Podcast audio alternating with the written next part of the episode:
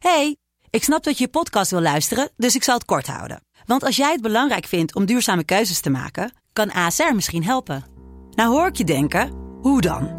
Nou, bijvoorbeeld bij het duurzaam herstellen van schade. Of de premies die we beleggen volgens ons duurzaam beleggingsbeleid. Dat bepaalt waar we wel en juist niet in investeren.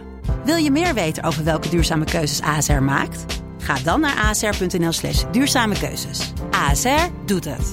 Zo, dan kan je nu lekker naar je podcast luisteren. Hey, ik snap dat je je podcast wil luisteren, dus ik zal het kort houden. Want als jij het belangrijk vindt om duurzame keuzes te maken, kan ASR misschien helpen. Nou hoor ik je denken, hoe dan? Nou, bijvoorbeeld bij het duurzaam herstellen van schade. Of de premies die we beleggen volgens ons duurzaam beleggingsbeleid. Dat bepaalt waar we wel en juist niet in investeren.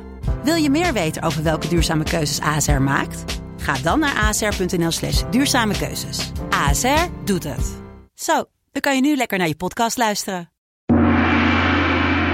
Dit is Mindfulness, de meest spirituele, meest behulpzame, meest coachingachtige podcast en de kortste van Nederland. Maxime en René, tijdens een woedeuitbarsting heb ik mijn kind geslagen. eh, met best een harde stomp. Hoe maak ik het goed? Ja, met verf denk ik. Toch sminken. Vingerverf. Hoezo vingerverf? Dat Echt is een kind. Ja, hoef je niet met vingerverf te doen. Gewoon olieverf. En dat geef je dan aan het kind. Nee, daar hou je die blauwe plekken mee weg. Dit was Mand. Fullness. Mand.